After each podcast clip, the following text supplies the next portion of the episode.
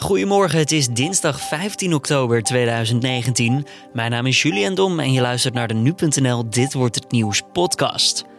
Arash N. en Armin N. staan vandaag in Tsjechië voor de rechter vanwege het mishandelen van een ober in Praag. De ober liep daarbij stevige verwondingen op, maar over de oorzaak van die verwondingen is nog wel onduidelijkheid. De een zegt, uh, nee, dat is, heeft hij opgelopen tijdens een val, hè, die worsteling met die broers. En die andere zegt, nee, dat heeft hij opgelopen nadat de jongens, de mannen op hem begonnen in te trappen. Hoe het ook zo is gekomen, het blijft een naar verhaal. En straks meer erover met rechtbankverslaggever Joris Peters. Eerst kort het andere belangrijkste nieuws van nu. LTO Noord, de organisatie van de boerenprotesten van maandag, zal leden die achter het geweld en de vernielingen in Groningen zaten niet royeren. De organisatie noemt dat een zaak voor de politie.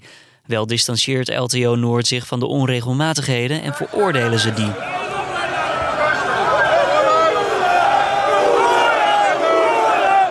Honderden boeren voerden maandag bij meerdere provinciehuizen tegelijkertijd actie. In Groningen liep het protest uit de hand. De deur van het provinciehuis werd met een trekker opengebroken. Een groep ging op de vuist met de politie en een afzethek werd omvergereden. Deze klapte vervolgens bijna tegen een fietser aan. Het dodental van de heftigste storm in Japan van de afgelopen 60 jaar is dinsdag opgelopen naar 66. Duizenden huishoudens hebben nog altijd geen stroom of water. Drie dagen na de tyfoon zijn ook nog steeds 15 mensen vermist. Ook raakten 200 mensen gewond door de storm. De meeste slachtoffers vielen in de regio Fukushima, waar veel dijken van de rivier Abukuma doorbraken door de storm. Zeker 18 mensen kwamen om het leven in Fukushima. De Japanse minister van Financiën, Taro Aso, heeft een budget van 500 miljard yen beschikbaar gemaakt voor noodhulp. Dat is omgerekend zo'n 4 miljard euro. De van corruptie verdachte Richard de Mos van de Haagse partij Groep de Mos was gisteravond te gast bij Pauw. De Mos zei geschrokken te zijn van de verdenkingen tegen hem. De val kwam hard aan. Eh, ik ben iemand die uh, iedere dag om half acht in de auto zat uh, om voor deze stad Den Haag te, te, knokken, te vuur en te zwaard. Ik hou van deze stad. Ik heb hart voor Den Haag. Dat heet ook mijn partij. Ja. ja, ineens staat daar de Rijksrecherche met verdachtmakingen waar ik me totaal niet in herken. Samen met wethouder Rachid Gernaoui wordt hij verdacht van corruptie en omkoping. De Mos zegt in televisieprogramma dat hij wel donaties heeft gekregen voor de partij, maar dat er zeker geen sprake is van omkoping of dan wel smeergeld. De Mos blijft actief in de Haagse politiek, maakt hij verder bekend. Hij zal als fractievoorzitter van zijn partij aanblijven. De Amerikaanse president Donald Trump heeft de staaltarieven voor Turkije verhoogd met 50% Dat vanwege de Turkse inval in het noordoosten van Syrië. Trump heeft gebeld met de Turkse president Erdogan en vroeg om een onmiddellijk staakt het vuren in het land. Met de steun van zowel de Democratische als Republikeinse partijen in het parlement wil Trump nu zo snel mogelijk een bevel uitvoeren voor verdere sancties. Deze zijn dan vooral gericht tegen ambtenaren van de Turkse regering. Hij wil hen de toegang tot de VS ontzeggen en beslag leggen op hun Amerikaanse eigendommen. Koning Willem-Alexander heeft tijdens een staatsbezoek aan India maandagavond indirect kritiek geuit op de Hindoe-nationalistische regering. De koning praat over een toekomst voor India waarin iedereen zijn stem kan laten horen, ongeacht geloof, afkomst of sociale positie. Daarover schrijft Trouw. Sinds de herverkiezing van premier Narendra Modi in mei worden minderheidsgroeperingen als moslims stelselmatig onderdrukt. Geen cultuur kan leven als die probeert exclusief te zijn, zo citeerde Willem-Alexander Mahatma Gandhi in zijn speech. Als 1,3 miljard mensen op de voet van gelijkheid kunnen meedoen en hun talent in vrijheid kunnen ontplooien, dan is India onverslaanbaar. Dan gaan we naar het gesprek van deze dag en daarvoor gaan we naar Tsjechië. Twee Nederlandse broers staan er namelijk vandaag terecht voor de mishandeling van een ober. Vorig jaar april liep een vrijgezellenfeest daar totaal uit de hand. De ober hield een hersenbloeding, een gebroken kaak, oogkas en een verbrijzelde enkel eraan over. Het tweetal werd eerder al veroordeeld door de Tsjechische rechter, maar vandaag is het hoger beroep dus. Dit had eerder moeten plaatsvinden, maar het werd steeds uitgesteld. Collega Carné van der Brink vroeg aan rechtbankverslaggever Joris Peters waarom het zo lang duurde tot het hoger beroep nou eindelijk wel van start kon gaan. Ja, dat klopt. Ja. nou, in augustus uh, werd het uitgesteld omdat ze twee deskundigen hadden aangesteld. En die konden het eigenlijk niet met elkaar eens worden over de verwondingen die de OBA had opgelopen. En dan vooral wanneer die deze had opgelopen. De een zegt, uh, nee, dat is, die heeft hij opgelopen tijdens een val, hè, die worsteling met die broers. En die andere zegt, nee, dat heeft hij opgelopen nadat de jongens, de mannen op hem begonnen in te trappen. En toen heeft hij die ernstige verwondingen, aan zijn hoofd opgelopen. Nou, omdat zij er niet uitkwamen, werd het uitgesteld om nog een derde deskundige te horen. Nou, die zou twee weken geleden aan het woord komen. En toen, uh, maar die liet in die ochtend weten dat hij uh, die dag niet kon, dat hij een lezing moest geven. Ja, dus toen zei de rechter van oké, okay, dan, dan wachten we nog maar. Dan gaan we verder naar 15 oktober en dat is het vandaag. Ja, en iedereen heeft natuurlijk zijn prioriteiten. Ook deze medisch deskundige kennelijk. Ja, het opvallende was dat hij die lezing zou geven voor de politie, was het verhaal. Dus wat dat betreft is het sowieso al helemaal opvallend. Maar goed, dat, het, het ging niet door. Nee, een vreemd verhaal inderdaad. Maar nu wordt er gekeken naar inderdaad hoe komen dus die verwondingen. Is het door de val gekomen of is het door de broers? Ze waren al veroordeeld tot een gevangenisstraf van vijf en zes jaar. Maar ze werden vrijgesproken van poging tot moord. Hoe, hoe zat dat precies?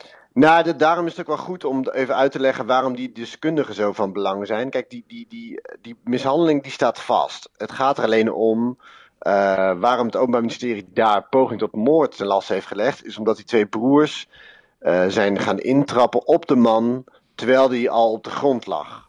En ze hebben gezegd dat, is, dat, uh, dat letsel was zo ernstig. Hè? Ze, ze, wisten dat, dat, dat hij dat kon oplopen. Daarom leggen wij hem poging tot moord uh, tot, tot lasten. Maar stel nou dat hij die man die vonding al heeft opgelopen door die val. Dan komt dat in een ander daglicht te staan. En dan gaat, waarschijnlijk, dan gaat het mogelijk eigenlijk alleen maar om mishandeling. Waarvoor ze al zijn veroordeeld. En daarom is dat zo van belang. Nou, ja. Het Openbaar Ministerie blijft erbij uh, poging tot moord. En de verdediging zegt nee, dat is niet. Nee, want de verdediging die, die, die zou kunnen zeggen, dat neem ik aan de broers, de kant van de broers, van joh, uh, oké, okay, deze straf is natuurlijk wel zwaar, maar het is geen poging tot moord, dus het is niet extreem zwaar. Uh, waarom gaan ze dan nog steeds in hoger beroep? Nou, dat komt eigenlijk omdat het Openbaar Ministerie zelf in hoger beroep is gegaan. Dan is dat een logisch gevolg. Dan ga je daarin mee, zou ik zeggen. Dus dat is niet zozeer omdat je het niet eens bent met de straf. Maar dan kan je je verweren tegen het OM in het hoger beroep. Ja, en de zaak die speelt zich natuurlijk af in Tsjechië. Zijn daar de broers ook aanwezig voor deze zaak? Ja, zeker. Die zijn daar tot nu toe altijd bij aanwezig geweest. Dus die zullen er nu ook zeker zijn, ja. Mm -hmm. En weten wij iets hoe ze daar zitten? Zitten ze vast in een cel? Nee, nee, nee. Ze worden gewoon overgebracht. Hè. Ze zitten natuurlijk al vast uh, sinds daar zijn aangehouden. En zijn ook altijd in hechtenis gebleven, op eigen verzoek ook. Um, en zullen daar worden gebracht. En, en als het gaat bijvoorbeeld om het uitzitten van de straf uh, dat kan ook in Nederland, maar dan moet de straf uh, wel onherroepelijk zijn. Hè? Dus je kan bijvoorbeeld ook nog in cassatie gaan.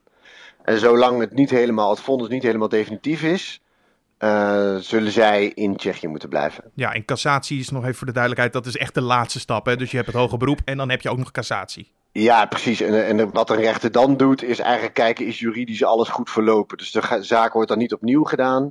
Maar die kijkt, is alles juridisch, uh, juridisch goed gegaan? Zo niet, dan moet het opnieuw in hoger beroep. Maar dat is niet inhoudelijk. En maar hoe wordt dan bepaald waar de straf uitgezeten moet worden? Is daar een soort van bepaling voor? Oké, okay, het is in Tsjechië gebeurd, in Praag, dus daar moeten ze het ook uitzitten? Normaal gesproken wel, maar dat het hier om Nederlandse staatsburgers gaat, kun je een verzoek indienen om die straf ook in Nederland uit te zitten. En dat kunnen zij zelf doen? Zij kunnen dat verzoek zelf indienen, ja. En als een rechter daarmee akkoord gaat en het land zelf ook, dan is dat geen probleem. Dus ja, dus de vraag is inderdaad of ze dat aangevragen en dus het in Nederland uit gaan zitten. Uh, ja. Er werd al een beetje bekend dat als het hoge beroep uiteindelijk echt gaat beginnen, dat uh, de uitslag ook wel snel bekend wordt, toch? Ze verwachten de uitspraak wel gelijk al vandaag, ja. Maar goed, we hebben nu gezien dat we overal rekening mee moeten houden. Maar normaal gesproken, hè, als alles goed verloopt, dan zal, uh, dan zal de rechter waarschijnlijk in de middag al uitspraak doen, ja. En als we nu kijken naar de broers, hebben zij al gezegd, wij hebben spijt van onze daden in Praag?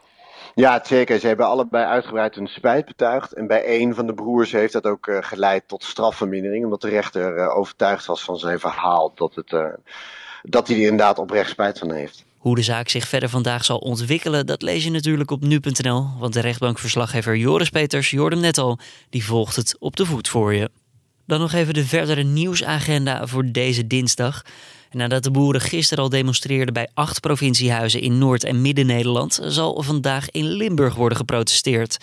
De Limburgse Land- en Tuinbouwbond, de LLTB, zal een petitie aanbieden aan de leden van de gedeputeerde staten van de provincie en vraagt boeren om met de trekker te komen. De agrariërs eisen dat de nieuwe stikstofmaatregelen worden teruggedraaid. En het ministerie van Onderwijs, Cultuur en Wetenschap oordeelt over een interimbestuur voor het Haga Lyceum. Minister Slop wil dat het bestuur van het Haga opstapt vanwege financieel wanbeheer. Het ruimte bieden aan extremisme en ook zou het bestuur leerlingen niet de Nederlandse waarden bijbrengen. Het bestuur kreeg de opdracht het bewind over te dragen aan een interimbestuurder. En die moet dan wel de zegen van Slop krijgen. Dan nog even het weer voor deze dinsdag. Het begint allemaal overwegend bewolkt.